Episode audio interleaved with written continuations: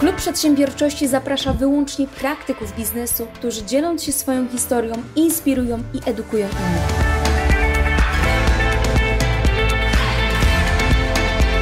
Od moich gości chcę dowiedzieć się, jakie działania, a także jaki sposób myślenia powoduje, że dotarli na sam szczyt w swojej dziedzinie.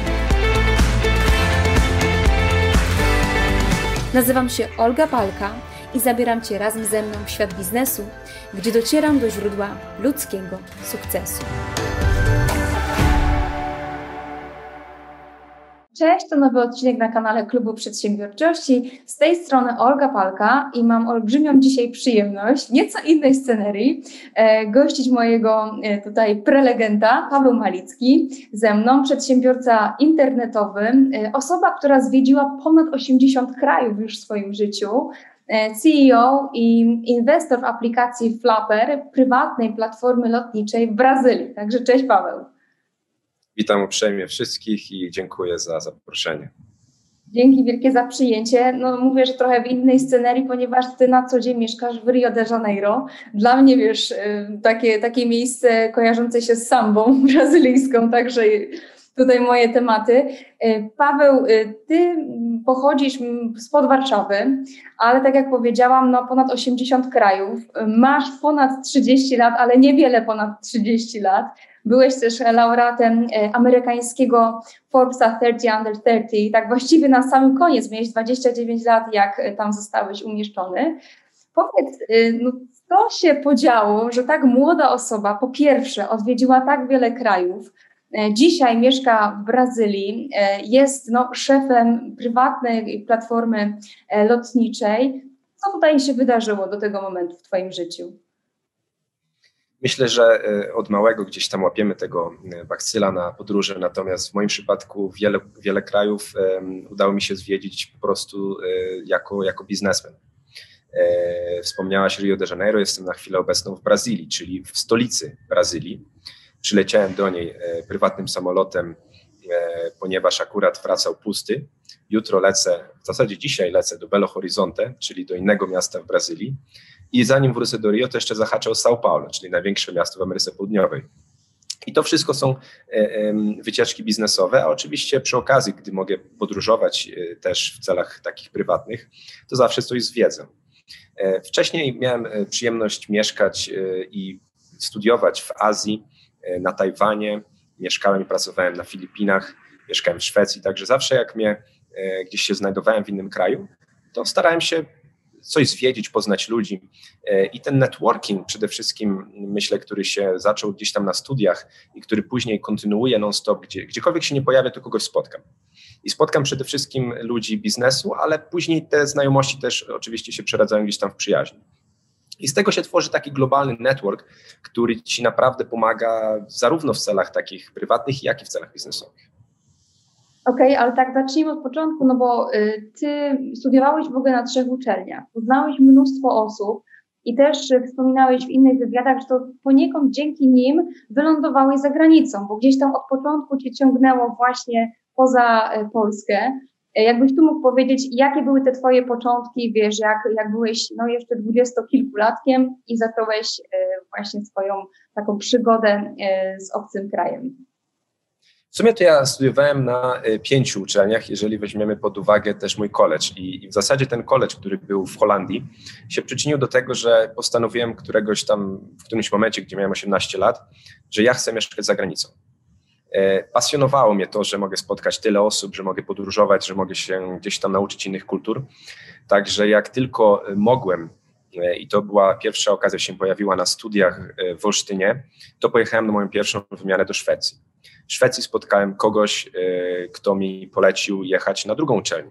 I później się przyniosłem na SGH i poleciałem na Tajwan. Po Tajwanie wróciłem do Szwecji, ponieważ jedna z osób, którą tam spotkałem, mi poleciła e, się dołączyć do swojego startupa. Po tym startupie się znalazłem na Filipinach. Na Filipinach spotkałem Brazylijczyków, którzy mnie zaprosili do Brazylii, ponieważ e, spodobało im się to, co robię i, i, i mój background. Także e, zawsze te kontakty gdzieś tam się pojawiały, natomiast ty jako osoba musisz mieć ten charakter takiego konkwistadora trochę.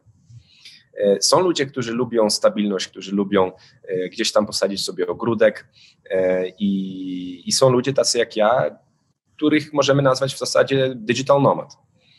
Jeżeli się popatrzy na historię ludzkości, to 99,5% e, czasu, którego, który przeżyliśmy jako, jako rasa ludzka, to jest czas nomadów. Ludzie nie mieli domu, nie mieli gdzieś tam, powiedzmy sobie, mieszkania czy, czy, czy nawet osiedla. I to gdzieś tam w nas tkwi. Także jak ja nie podróżuję przez dwa tygodnie, to ja się źle czuję. To mi wpływa na psychikę. E, przed tą pandemią ja robiłem około 140 lotów e, na rok. Nie dlatego, bo ja musiałem, tylko dlatego, bo chciałem. Chciałem, chciałem poznawać ludzi, chciałem odwiedzić moją e, siedzibę mojej firmy, która jest w jednym mieście, mieszkam w drugim. Natomiast w Brazylii, jeżeli robisz biznes, to musisz być w São Paulo. Także zawsze ten taki trójkąt brazylijski, Rio, São Paulo, Belo Horizonte istniał na, moich, na moim horyzoncie i przez to też mogłem poznawać innych ludzi i rozwijać dalej moją firmę aż do tego stopnia, że później otworzyliśmy Chile, otworzyliśmy Kolumbia, teraz otwieram Meksyk i w tym roku też wchodzimy na rynek europejski i e, Stanów Zjednoczonych. A wszystko to dlatego, bo się czuję super komfortowo wejść na każdy rynek.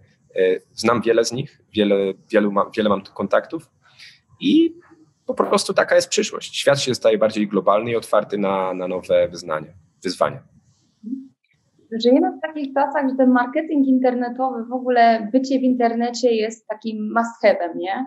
I to, to trzeba już teraz ogarniać. A ty e, właściwie od początku gdzieś tam się przewijałeś, pomimo tego, że jeszcze ten świat nie wymagał od nas bycia w sieci, ty już miałeś w tym swoim takim portfelu doświadczeń właśnie kompetencje tej, tej, tej agencji marketingowej, tak? Bycia w agencji marketingowej. I w momencie, kiedy e, też nawiązałeś współpracę z, z e, no to pomagałeś ją wprowadzać właśnie na Filipiny i tam był bardzo ciekawy sposób, e, jak ty docierałeś do klientów, jakbyś tu mógł trochę opowiedzieć o tym.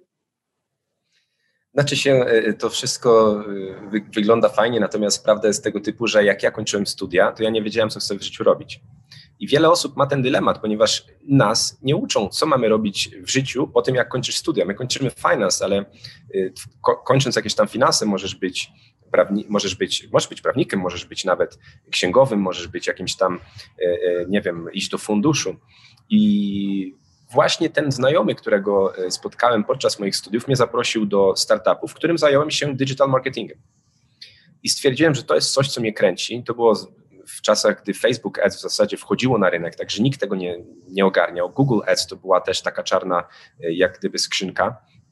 I ja to wyszlifowałem do, do granic możliwości, do tego stopnia, że dostałem się do agencji marketingowej, gdzie później mogłem się nauczyć też PR-u, mogłem się nauczyć content marketingu i wszystkich innych, e, jak gdyby, mm, nie wiem, kanałów czy platform marketingowych, których e, możesz używać jako marketer. E, I, I, dostając się do Easy Taxi, która była fundowana przez, wspierana przez Rocket Internet, my mieliśmy coraz więcej zasobów. Mogliśmy testować, mogliśmy też, na, na tamten czas nie było żadnych informacji, jeśli chodzi o, o aplikacje. byliśmy jedną z pierwszych aplikacji i e, musieliśmy się nauczyć wszystkiego od zera i to udokumentować. Ja nawet y, napisałem książkę, która się nazywa Chief Mobile Officer, gdzie wszystkie te, y, te dane są. Przy czym nie wszystko e, w tym świecie e, marketingu da się zrobić w sposób cyfrowy i na rynku filipińskim właśnie, żeby zrobić onboarding na przykład takich taksówkarzy, e, to my wstawaliśmy czasem o drugiej, trzeciej godzinie nad ranem, szliśmy do takiego w zasadzie hangaru, gdzie wszyscy taksówkarze zaczynają swój dzień. Do niego się wchodziło obok gościa, który stał z shotgunem to jest ochron, w zasadzie ochrona właściciela zawsze tych korporacji taksówkarskich, żeby go taksówkarze nie zabili. I były sytuacje, że podczas spotkań e, z tymi szefami, w zasadzie mafii taksówkarskich, no bo tego się inaczej nie da nazwać, gość wyjmował na stół granat i pistolet i się pytał, czy dalej chcemy dyskutować 70-30, czy jednak pójdziemy na 50-50. No my się na siebie popatrzyliśmy i stwierdziliśmy, że chyba zaczniemy od 50-50 i zobaczymy, dokąd dojdziemy. To byli ludzie, którzy jeździli Lamborghini, Ferrari i, i pracownik tego typu zarabiał e, na, na tamte czasy 700 e, do 1000 złotych na miesiąc. Także e, można sobie wyobrazić tutaj, jaka jest nierówność społeczna. Na tamte czasy, to było tam, nie wiem, 8 lat temu, koszt zabicia człowieka na Filipinach to było 700 zł w przeliczeniu na Polskę. To są kraje, w których ja musiałem pracować, wyobraź sobie, wyobrażasz sobie to. I, i, i tak, ta, ta taka, jak gdyby ten trans, przejście na, na ten świat cyfrowy, świat mobile, dzisiaj dla nas to się wydaje coś super takie naturalne, ale tak nie było. My musieliśmy taksówkarzom kupować smartfony, bo nie mieli smartfonów na tamte czas. Także no, trochę się zeszło, ale dzisiaj, dzisiaj rzeczywiście y, możemy sporo zrobić za pomocą internetu i y, coraz bardziej chyba y, rzecz w tym, żeby wszystko było cyfrowe. Natomiast, tak jak mówię, ja nie zapominam o tych spotkaniach i zawsze lubię też spotkać się z ludźmi face to face. Uważam, że to pomaga bardzo, jeśli chodzi o rozwój biznesu. Okej, okay, to właśnie ten Rocket Internet, jak tak wiesz, rozmawiam z Tobą, rozmawiałam wcześniej z Markiem Zmysłowskim, to to jest taka naprawdę szkoła życia dla weteranów, dla osób, które nie boją się wejść w totalnie inną kulturę, no bo Ty tutaj na Filipinach, Marek był w Nigerii, też wiem, że się prywatnie znacie, nawet zdradziłeś, że był świadkiem na Twoim e, ślubie, Marek.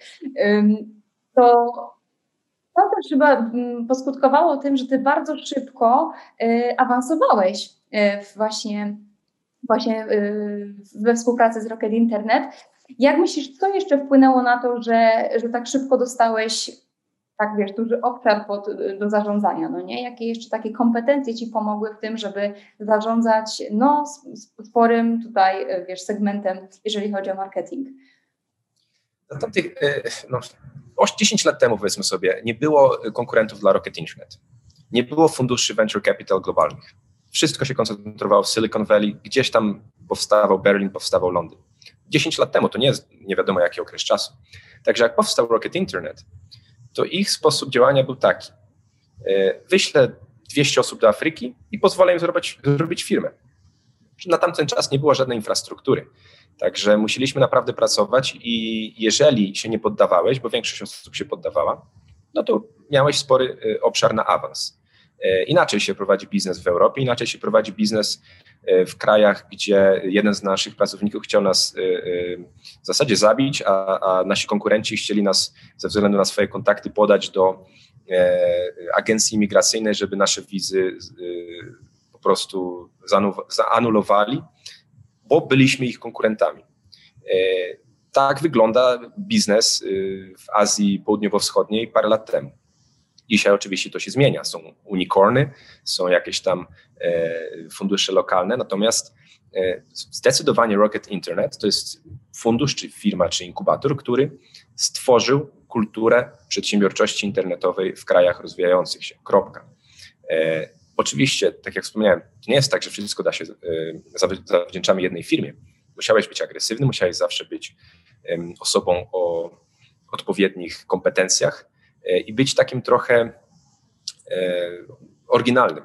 Ja pamiętam, że jak wysyłałem swoje CV do Rocket Internet, to zrobiłem Photoshopa e, słynnej publikacji amerykańskiej z Uncle Samem I Want You i jak Oliver Summer zobaczył to, to powiedział, że nie powinniśmy zatrudniać takich ludzi. Ale ktoś tam ze środka powiedział, no ale gość, gość ma jaja, musimy go zatrudnić, bo tam potrzeba ludzi, którzy się nie poddadzą. No i ja się nie poddałem i po prostu mnie awansowali e, w przeciągu w zasadzie paru miesięcy na, na globalnego dyrektora marketingu e, na cały świat aplikacji taksówkarskiej, która była w 36 krajach. E, no, byliśmy w 10, 14, doszliśmy do tych 36, ale to było super fan taki, wiesz, być, być świadkiem tego procesu. Okej, okay. to, to było 10 lat temu, Paweł, ale teraz jeżeli mamy, wiesz, 20, znaczy mamy 2021 rok i załóżmy, że ogląda nas osoba, która by też tak chciała, wiesz, pojechać do jakiegoś kraju rozwijającego się i chciałaby zacząć e, tutaj działać, próbować swoich sił, to od czego mogłaby zacząć? Jak to teraz wygląda? To, co się nie zmienia, to że wciąż musisz mieć bardzo dużo e, odwagi. To są, to są kraje ciężkie. Brazylia jest na przykład jednym z najcięższych krajów dla przedsiębiorców na świecie. Nigeria i Brazylia w zasadzie to są dwa kraje, które większość osób mówi, które, które mają doświadczenie, że nigdy nie przeszły przez coś tak, tak poważnego jak robienie biznesu w tych dwóch krajach. E, to się nie zmienia. Natomiast e, zawsze, jeżeli przede wszystkim masz jakieś fundusze, oszczędności, bo tutaj się nie przyjeżdża, żeby zarabiać pieniądze w pierwszym roku, w, pierwszym, w drugim roku, ale w długim okresie czasu, Jeżeli się nie poddajesz, to tworzysz monopolię. Brazylia to kraj monopoliów. E, z prostego względu, że e, jest mało osób, które się nie poddają i mało osób, które e, potrafią w sposób szybki stworzyć biznes w kraju 200 milionowym. jeżeli jesteś w kraju 200 milionowym, to wyobraź sobie rozmiar tego rynku. To jest jeden z krajów o największej liczbie na świecie miliarderów, jeden z krajów o największej liczbie na świecie, jeśli chodzi o klasę średnią. I to jest kraj rozmiaru kontynentalnego, tak jak Europa. Oczywiście najłatwiejszym sposobem jest być, takim ekspatem. E, pracujesz w firmie typu Shell, typu jakaś korporacja, wysyłają cię na assignment i jeżeli ci się spodoba, jeżeli masz y, powiedzmy sobie jakieś plany na przedsiębiorczość, to możesz się dostać też, e, możesz zacząć jakąś ciekawą firmę. E, ale tak jak mówię, to nie jest proste i ja jednak myślę, że jakbym miał coś polecać swoim dzieciom na przykład w przyszłości, to że jednak trzeba zacząć karierę w kraju typu, nie wiem, Szwecja, Polska, Niemcy, jeżeli się chce jakieś, jakieś doświadczenie i dopiero później w, dalszej, w dalszym etapie życia wyemigrować. Są też takie możliwości typu summer jobs, jakieś tam ISEC. Niektórym się uda dostać później na pracę full time, ale tak jak mówię, to nie jest dla każdego. E, na początku tu się nie żyje łatwo i schodzi się, żeby po prostu się dostosować do tych kultur i tak dalej. Okej, okay, a jak można zweryfikować kraj, w którym się mieszka? Jakie trzeba czynniki wziąć pod uwagę, żeby stwierdzić, dobra, to ja mogę tutaj żyć, mogę tutaj założyć rodzinę na przykład? Dużo zależy od Twojego charakteru. Ja na przykład jestem osobą bardzo y, uporządkowaną, bardzo taka process driven, także na początku bardzo ciężko było mi się przyzwyczaić do na przykład Filipińczyków, e, którzy po prostu nie znają słowa nie. Tam jest zawsze tak, tylko nie zawsze tak oznacza nie. I masz na przykład, wiesz, projekt, który w piątek musi się zakończyć. Idziesz w poniedziałek, się pytasz, jak ten projekt idzie. Sir, it's going very well. Gość wygląda, że jest po prostu, że naprawdę uda się do piątku. Potwierdzasz w środę, idzie w czwartek, a on mówi, że on nie zaczął tego projektu. No przecież ja byłem tutaj codziennie, się pytałem, jak ten projekt idzie. I on ci odpowiada, że on miał, że on się bał odpowiedzieć, że, że ten projekt nie został jeszcze zaczęty. Także różnice kulturowe są po prostu absurdalne. Ja pamiętam mój znajomy, jak po raz pierwszy się dostał do, y, do, do Gany i, i na tamten czas y, komórki to była jeszcze taka nowość, to on mówił, że jak się umawiałeś z kimś, to się umawiałeś na wtorek i na daną dzielnicę miasta. E, nie było, że czasem się udało postanowić, że będzie z rana albo z południa, ale cały dzień w danym miejscu stałeś i czekałeś, aż ta osoba cię znajdzie, bo nie było komórki. Także jak przyszły komórki, to była rewolucja totalnie, jeśli chodzi o mentalność tych ludzi. I to trochę pomogło. Dzisiaj, dzisiaj mamy taką, e, powiedzmy sobie, e, te, te, te, te różnice kulturowe, one się zanika, zanikają, ale E, no wciąż powiedziałbym, że jeżeli jesteś taką osobą bardziej zrelaksowaną, e, miłą z natury, no to pewnie sobie w krajach rozwijających poradzisz. Natomiast jeżeli jesteś osobą taką bardziej super uporządkowaną, to będziesz miał na początku problemy. Warto mieć taką osobę, no bo ty mówisz, że tu ktoś ci polecił Filipiny, tu ktoś ci polecił e, później Brazylię. Czy warto mieć taką właśnie osobę, czy to na miejscu, czy ta, która już przeżyła e, jakieś tam rzeczy w danym kraju, która zna ten rynek, która właśnie ci tak podpowie, czy tak iść za głosem serca, bo mnie się wydaje, że to jest dobry kraj do robienia biznesu. Tak, oczywiście. Wa warto mieć y, mentora. Myślę, że w życiu na, na wszystko, na, jeśli chodzi o od kwestii osobistych do kwestii profesjonalnych. Warto też odwiedzić kraj jako turysta, zanim się zdecyduje, y, że chce się tam y, po prostu mieszkać. Ja byłem na, na Filipinach wcześniej i jak udało mi się tam dostać, to byłem super szczęśliwy, bo wiedziałem, że to jest miejsce, które, które lubię. Także tak, odpowiedź jest, jest jak, jak, jeśli chodzi o wszystko w, w życiu, musimy testować, zanim podejmiemy decyzję e, ostateczną. Tak wstecz, Paweł, jakbyś miał teraz wybrać takie top trzy krajów, w których chciałbyś mieszkać, robić biznes, to jakie by to były kraje? To się zmienia z wiekiem. Nie ma perfekcyjnego miejsca na świecie. Jest taki kraj typu Singapur, który jest najbardziej rozwiniętym chyba krajem na świecie. No nigdy nie widziałem czegoś tak, powiedzmy sobie, uporządkowanego. I są ludzie, moi znajomi, którzy tam mieszkają i mówią, stary, tu jest po prostu zbyt uporządkowane. Pod koniec tygodnia chcesz, wiesz, wypić piwo i zacząć krzyczeć na ulicy, ale nie możesz. Także to zależy od tego, y, jakie masz cele w życiu i na jakim etapie jesteś. Bo jak jesteś osobą, która jest młoda i nie zależy ci na tym, żeby powiedzmy sobie być jakąś tam super częścią społeczeństwa, to jedziesz sobie do Azji, jesteś białym celebrytą, wszyscy sobie robią zdjęcia, y, dostajesz w klubie za darmo wejście, bo, bo Chińczycy chcą, żeby był biały w klubie.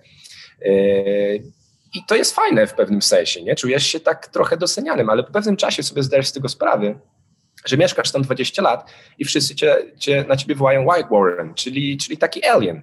Czyli ja nie jestem częścią tego społeczeństwa, czy ja bym chciał tam chować dzieci.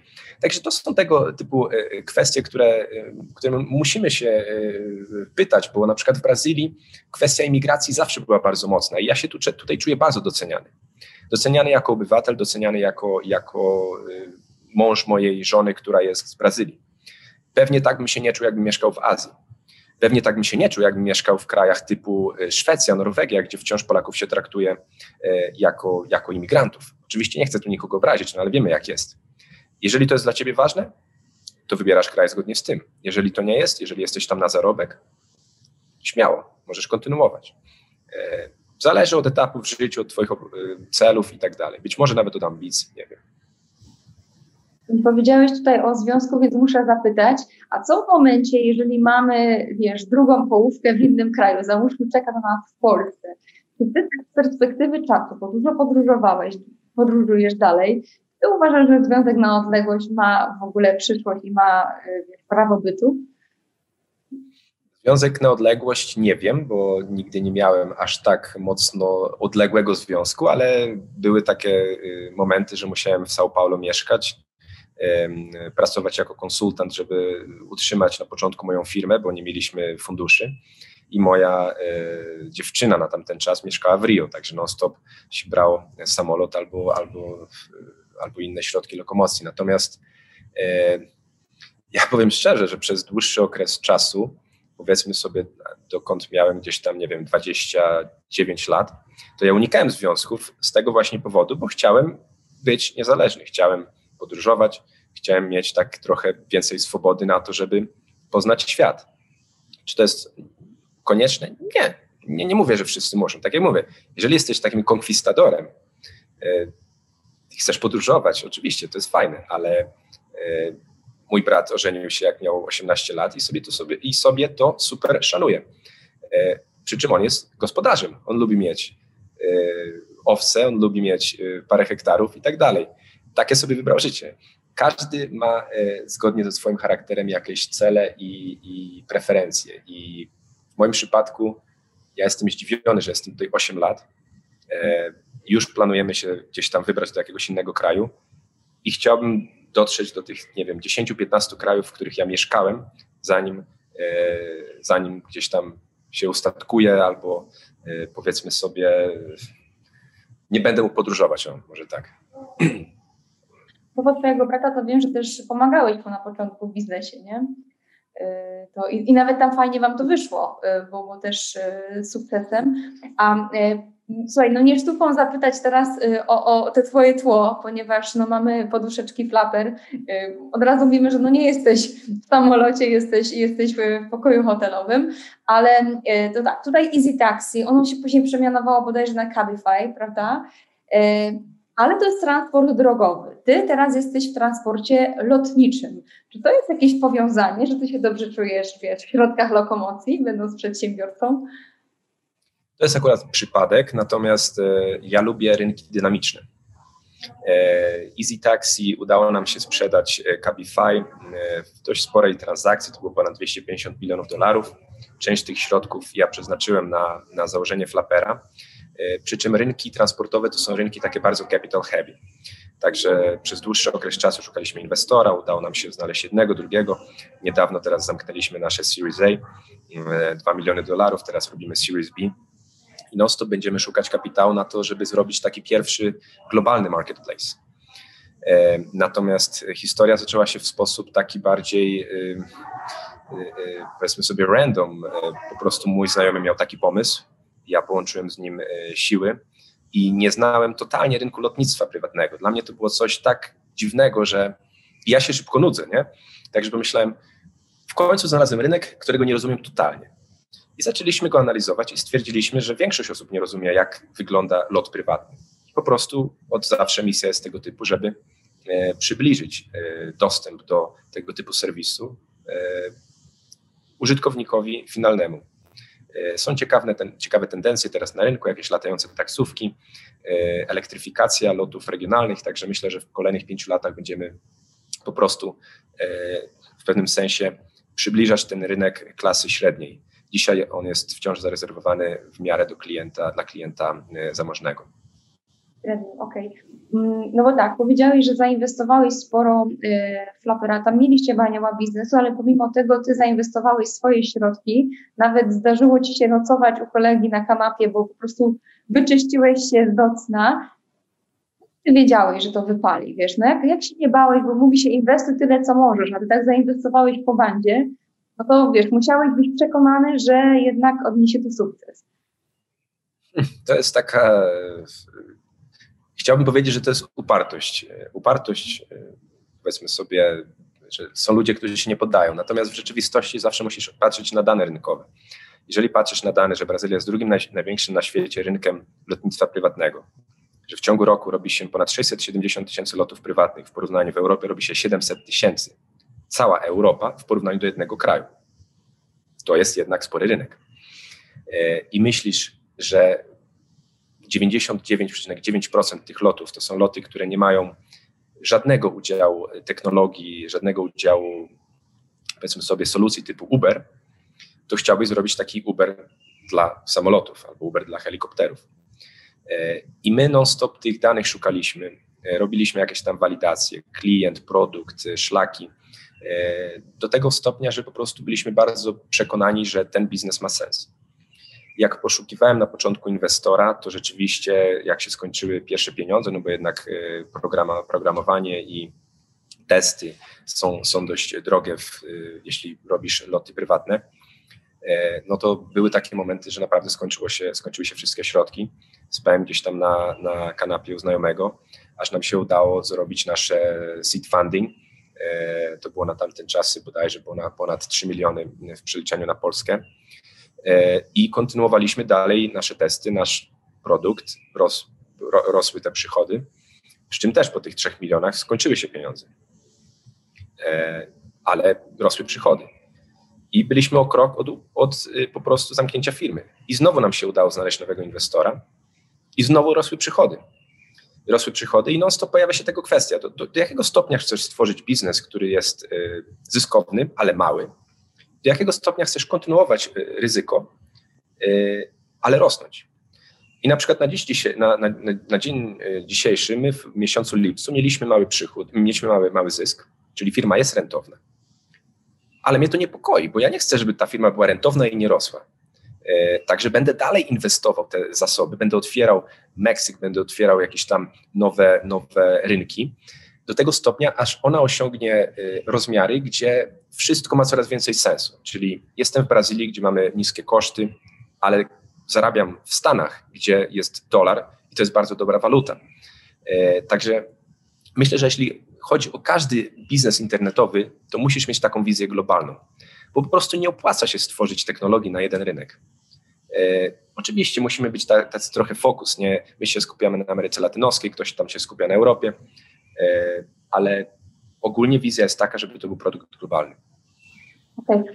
Jakbyś tak mógł, wiesz, opowiedzieć technicznie, od technicznej strony, jak można te loty rezerwować, na czym dokładnie polega cała ta platforma, no bo teraz mówisz o skalowaniu, ale od czegoś się musiało zacząć i wiem, że też zaczęliście walidować ten pomysł w momencie e, igrzysk w Rio, jak one się rozpoczęły, prawda?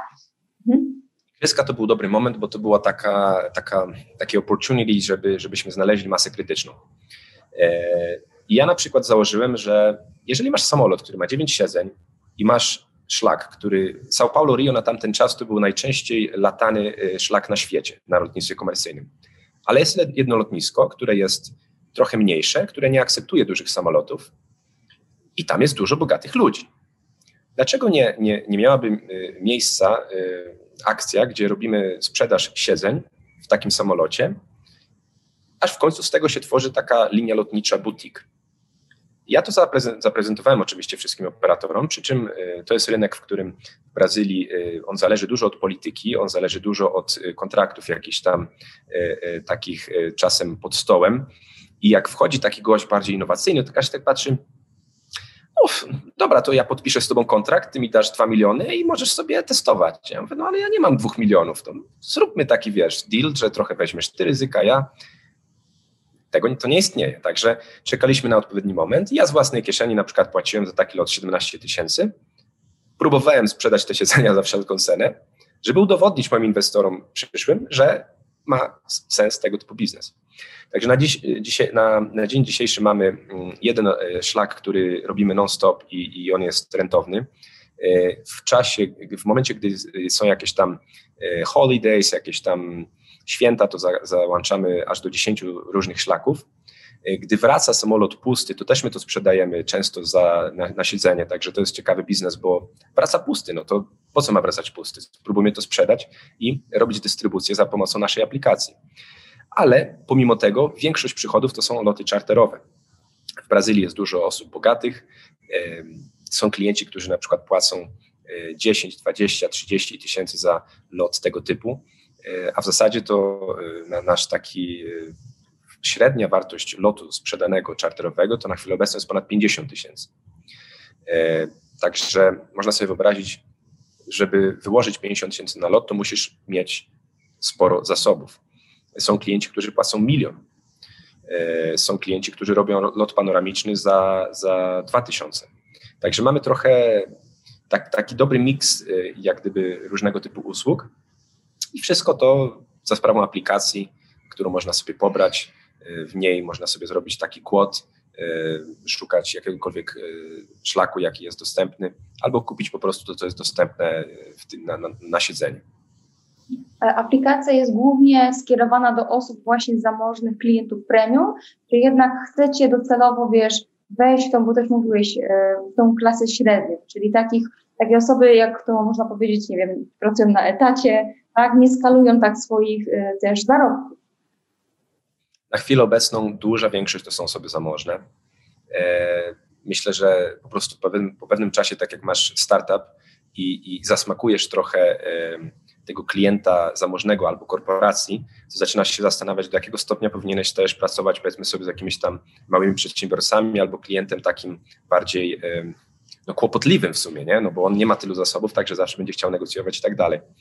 Także na chwilę obecną my się skupiamy na tym kliencie zamożnym. Natomiast w dłuższym okresie czasu zdecydowanie e, celem jest wejście na e, rynki bardziej obszerne i e, pracujemy nad jakimiś tam technologiami, i e, teraz e, bodajże dwa tygodnie temu ogłosiliśmy naszą pierwszą współpracę z Embraerem na e, stworzenie latających taksówek tu w Brazylii, czyli to są już samoloty elektryczne i po prostu jak wejdzie ta technologia na rynek, no to będziemy mogli obniżyć nasze koszty prawie 50%. Jeżeli obniżę koszty 50%, to efektywnie otwieram ten rynek na klasę średnią. Macie jakąkolwiek konkurencję? Na rynku? Ilu, il, ile jest takich przewoźników, jakby takich platform? W Ameryce Latynoskiej e, te, powiedzmy sobie przewoźników typu z technologią i tak dalej nie ma, natomiast e, jest dużo takich tradycyjnych brokerów. W Stanach Zjednoczonych na przykład ponad 60, 600, jest ponad 600 firm, które się zajmują e, takim brokerstwem lotów prywatnych i one odpowiadają za ponad 70% rynku.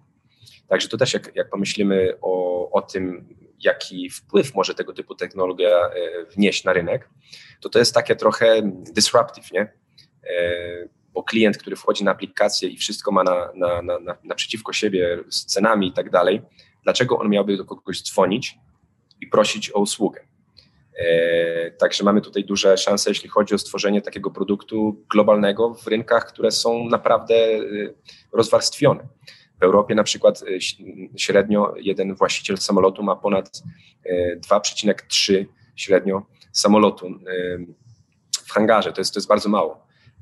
I, i, I tych samolotów jest ponad 2000, także lot z Francji do Polski może się odbyć za pomocą samolotu niemieckiego, francuskiego, polskiego albo luksemburskiego.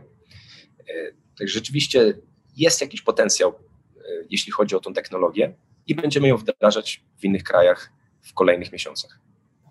A na jakie przeciwności do Suna trafiliście y, przy właśnie wprowadzaniu e, Flapera? Myślę, że jak każdy startup dzisiaj wszyscy narzekają na brak deweloperów. To jest kryzys globalny. Przede wszystkim jeśli się myśli o jakieś tam nasze rządy, które nie promują matematyki jako przedmiotu obowiązkowego w szkole i, i, i wiesz, tego typu kwestie, że naprawdę no, za parę lat będzie jeszcze gorzej, e, to to jest główna przeszkoda. Każdy startup, z jakim rozmawiam, ciężko, ciężko w to non-stop szukać deweloperów. E, poza tym to jest rynek, e, w który no, czasem się zdarza, że jest niebezpieczny. Nie? Mieliśmy klienta, który kupił lot 800 km helikopterem i my tłumaczymy, że nie leci się 800 km helikopterem, 800 km się leci samolotem. Ale on uwielbia helikopter, on chce zrobić ten lot helikopterem, on chce lecieć tam pod granicę Paragwaju. No to super. Kontrakt podpisał, pieniądze wpłynęły e, i przed lotem poprosiliśmy go o dokumenty. On wysłał te dokumenty i, i zdaliśmy sobie sprawę, mamy taki system e, anti-fraud, że on e, tydzień wcześniej uciekł z więzienia i po prostu wyobrażasz sobie, co on chciał zrobić z tym lotem. On leciał helikopterem, dlatego, bo jak dolatywałby do granicy Paragwaju, to po prostu przystawiłby pi pistolet do głowy pilota i by go poprosił, żeby wylądował w Paragwaju. A w Paragwaju jest dużo ciężej kogoś znaleźć niż w Brazylii. E, I tego typu epizody gdzieś tam się co jakiś czas zdarzają.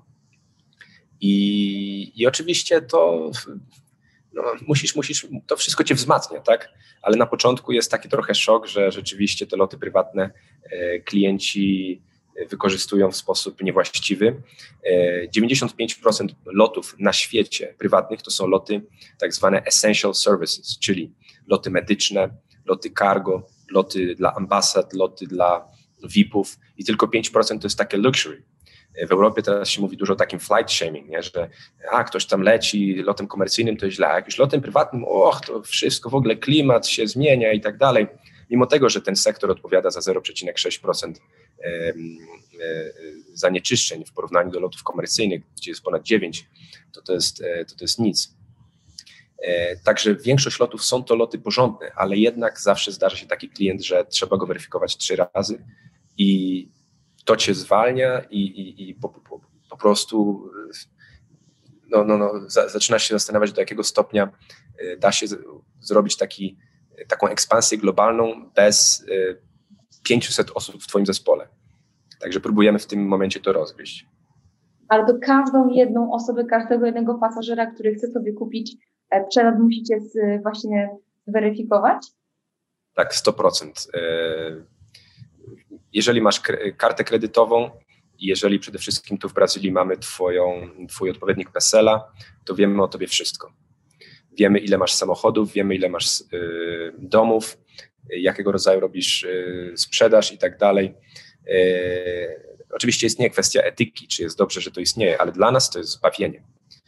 Ponieważ jeżeli siedem zmiennych, jeżeli z siedmiu zmiennych sześć mi da y, wynik negatywny w moim systemie, y, istnieje szansa, że oczywiście nie, za, nie, nie, klient nie zostanie zaaprobowany na, na lot. To tu się kłania polityka RODO. Ja myślę, że te osoby, które działają w Polsce, bo no, też się musicie chronić przed wyciekiem danych, nie? E, no bo jeżeli zbieracie takie poufne dane wrażliwe, że naprawdę wiecie, jakie są powiedzmy stany konta i, i, i majątki, no to, e, to też to, to jest w Brazylii chyba totalnie inaczej traktowane. Znaczy my tego nie zbieramy, bo po prostu my tego nie potrzebujemy. My, my, my akceptujemy lot y, lub nie. Natomiast y, to jest wszystko robione przez naszych partnerów, którzy się z nami łączą y, systemem API i to oni wiedzą, czy klient jest dobry, czy nie. Ich funkcją jest nam powiedzenie, czy, czy możemy go zapróbować, czy nie. Jak go nie zapróbujemy, oczywiście on wejdzie na taki blacklist i lot jest odwołany. E, natomiast to też czasem tak ciężko jest, powiedzmy sobie, zaaplikować europejskie prawo w Brazylii. Brazylia to kraj, w którym e, do jakiegoś tam 2018 roku e, ten kraj koncentrował 97% wszystkich e, przypadków na świecie, gdzie pracodawca został pozwany przez, przez pracownika. To jest kraj, w którym jeżeli nie masz systemu anti-fraud, to 20% wszystkich twoich płatności mobile to jest, to jest fałszywka. To jest kraj, w którym niestety jest duży handel narkotykami, eksport przede wszystkim do Europy konsument jest europejski i gdzie trzeba uważać na pewne kwestie. E, także myślę, że w Europie na przykład, jak rozmawiamy z naszymi partnerami, oni nie mają tego typu problemów, ale my, tak czy inaczej, stworzyliśmy system, który jest kuloodporny. Jeżeli ja wejdę na rynek Stanów Zjednoczonych, Azji, Afryki, ktoś będzie chciał mnie oszukać, to ja się nie dam. E, dałem się na początku, nauczyłem się i teraz jest jak jest. Technologia nas, nas broni. Też miałeś ciekawy, mm, ciekawe podejście przed pandemią, bo, bo jak rozmawialiśmy ostatnio, e, to pytałam Cię jak przeżyliście pandemię, no bo tutaj ludzie mieli ograniczoną możliwość przemieszczania się. No to trochę tego mojego doświadczenia się ukazało, jak byłem studentem na Tajwanie i trochę taki przyleciałem w szoku, bo patrzę wszyscy w tych maseczkach, to była na, było w czasach SARS, w czasach, gdzie jeszcze nie było tylu połączeń międzynarodowych, e, gdzie Chińczycy nie mieli tyle pieniędzy, że oni sobie lecieli na wakacje gdzieś tam do Europy przynosząc wirusa. Także SARS został, e, e, powiedzmy sobie, uziemiony dość szybko. Przy czym jak ja się dowiedziałem o tym wirusie, to akurat byłem na Kubie. To były pierwsze wakacje od pięciu lat. Na Kubie w zasadzie nie ma internetu takiego, jak, do, do jakiego jesteśmy przyzwyczajeni, także w ogóle wyłączyłem swój telefon na dwa tygodnie. I jak się dowiedziałem, że nam lotnisko w Limie zamknęli, a miałem lot do Brazylii z powrotem przez Peru, to już wiedziałem, co się stanie z tym koronawirusem. To był taki flashback do czasów Tajwanu i zwołałem swój zespół, wytłumaczyłem im, jak będzie wyglądać życie w kolejnych miesiącach, że będą musieli w maseczkach chodzić i tak dalej. I z miejsca zespół y, technologii się y, zaczął skupiać na tworzeniu nowych usług, czyli lotów medycznych i lotów cargo, ponieważ oczywiście tutaj, e, jeśli chodzi o transport maseczek, transport cylindrów z, z tlenem, transport osób, które są zainfekowane COVID-em, no to wzrost w Brazylii był ponad 300%. Także my ogólnie na, ten, na tym kryzysie wyjdziemy dobrze. Nie mówię, że jestem z tego dumny, bo, bo to jest jednak bardzo przykry czas dla wielu osób, ale wiedzieliśmy, jak się do tego przygotować i naprawdę no, jesteśmy wciąż w bardzo szybkiej, e, tutaj w momencie bardzo szybkiego wzrostu przychodów i, i, i liczby klientów. Też właśnie dzięki temu wy mieliście, odnotowaliście wzrosty, nie? Czyli poprzez ten transport tych, tych materiałów, e, czy właśnie maseczek i, i, i cylindrów tlenowych, to to wam zastępowało pasażerów, tak?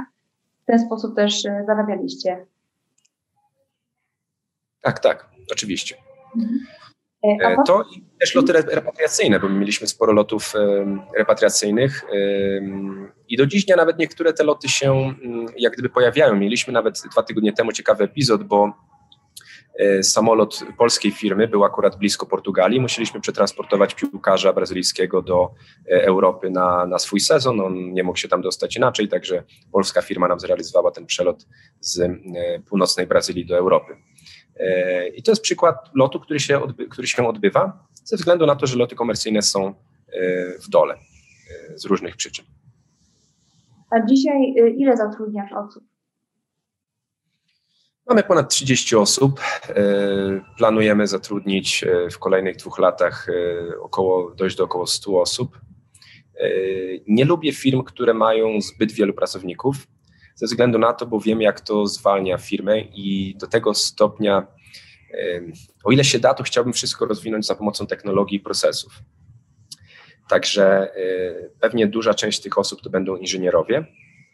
Natomiast e, każdy kraj, który będziemy otwierać, będzie miał swojego country managera i później będą jacyś tam menedżerowie na region.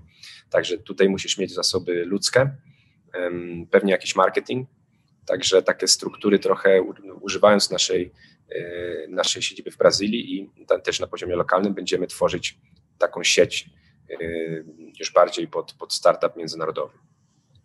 Okay, czyli jakby cały czas to ta centrala będzie w Brazylii, a tylko poszczególne kraje będą się otwierać, to będą miały swoich tych country managerów, tak jak ty byłeś kiedyś, prawda, country managerem, a Wy się opieracie tylko i wyłącznie, bo jak pozyskujecie tych klientów, to gdzie oni mogą, mogą Was znaleźć? Oprócz tego, że ok, ktoś sobie ściągnie aplikację, e, to jak mogą się dowiedzieć ludzie o, o, o Waszych usługach? My robimy dużo PR-u, robimy dużo e, jakichś tam partnerstw e, z, z, różnymi związkami biznesowymi. E, robimy dość sporo, jeśli chodzi o SEO. E, przede wszystkim do dziś dnia na, na, w języku portugalskim i hiszpańskim, ale wkrótce będziemy musieli też e, to przemienić na inne języki. I, I, nawet taka prosta refleksja, e, nie ma dziś żadnej firmy na świecie, która zajmuje się takim czarterem międzynarodowym, która ma stronę e, w siedmiu, w ośmiu językach. My już mamy w trzech i mamy taką strukturę w naszym API, że możemy dodać łatwym sposobem kolejne języki. Także myślę, że w ten sposób to będzie wyglądać. Natomiast wciąż duża część tych klientów to, są takie, to jest taka sprzedaż tradycyjna. Czyli widzisz, że jest duża korporacja albo jakaś firma mniejsza, natomiast y, bardzo rentowna, wysyłasz wiadomość, robisz takie, takie spotkanie, prezentujesz firmę i gdzieś tam później te przychody się pojawiają. Y, także myślę, że to zawsze będzie istnieć i, i kwestia jest tego, do jakiego stopnia w kolejnych latach uda nam się podzielić ten, ten digital i, i, i ten, ten, ta sprzedaż, tą sprzedaż tradycyjną bardziej taką, że rzeczywiście musisz mieć dużo osób w zespole. E, zobaczymy. Myślę, że perspektywy są takie, że coraz bardziej ludzie się przyzwyczają do, e, do, do takich interfejsów i, i, i aplikacji, jeśli chodzi o te, te, te, nasze new, new mobility, nie? No bo to jest jednak nowa mobilność, nowy sposób poruszania się. A Twoje plany takie na, na przyszłość, na przyszłe lata, bo wiesz, raczej tak jak powiedziałeś, ciężko Ci usiedzieć w miejscu, to które gdzieś tam mm, kraje Ci chodzą po głowie, żeby się osiedlić teraz? Póki co planujemy Barcelonę ze względu na to, że większość osób z, z rodziny jest blisko e, i jak się mieszka w Rio de Janeiro, które jeśli chodzi o położenie to jest zdecydowanie najpiękniejszym miastem na świecie, to ciężko jest pomyśleć o e, mieście, które nie ma plaży. Ja już się przyzwyczaiłem i to jest po prostu must have, mimo tego, że lubię bardzo na przykład Warszawę, lubię parę innych miast e, europejskich i też mógłbym tam mieszkać. Natomiast jeśli chodzi o takie jakieś plany profesjonalne, no to myślę, że w kolejnych latach tą firmę uda się rozwinąć do poziomu, gdzie będziemy mogli zrobić e, wejście na giełdę, gdzie będziemy, będziemy mogli być może ją sprzedać jakiemuś większemu koncernowi zagranicznemu. E, i dalej będę kontynuował swoją przygodę, jeśli chodzi o startupy. E, w międzyczasie też inwestuję trochę na giełdzie, inwestuję w kryptowaluty, e, inwestuję w nieruchomości i myślę, że, że moim głównym błędem być może w ostatnich latach było to, że zbytnio się skupiłem na przedsiębiorczości i nie stworzyłem takiego portfolio inwestycyjnego bardziej rozwiniętego, powiedzmy sobie.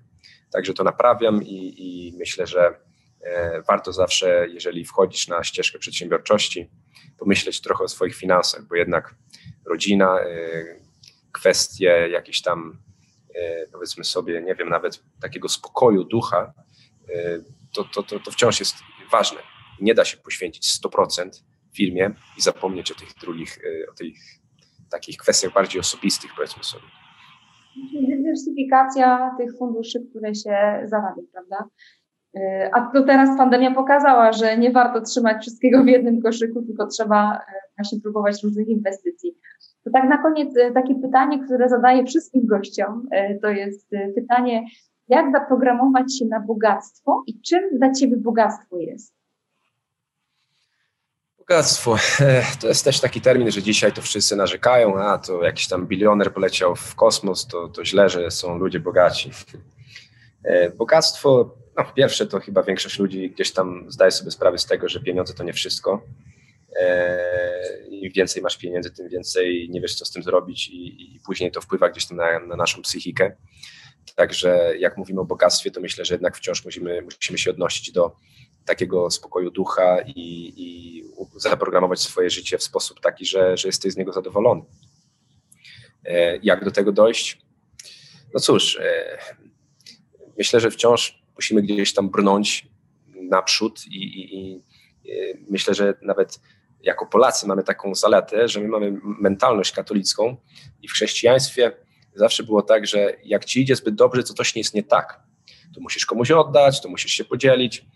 E, także my, my, mamy, my jesteśmy przygotowani z punktu widzenia naszej kultury na przykład na to, żeby nigdy się nie podać, żeby zawsze brnąć do przodu, żeby e, e, nie, zostać w miejscu i założyć, że życie jest komfortowe, to zawsze tak będzie.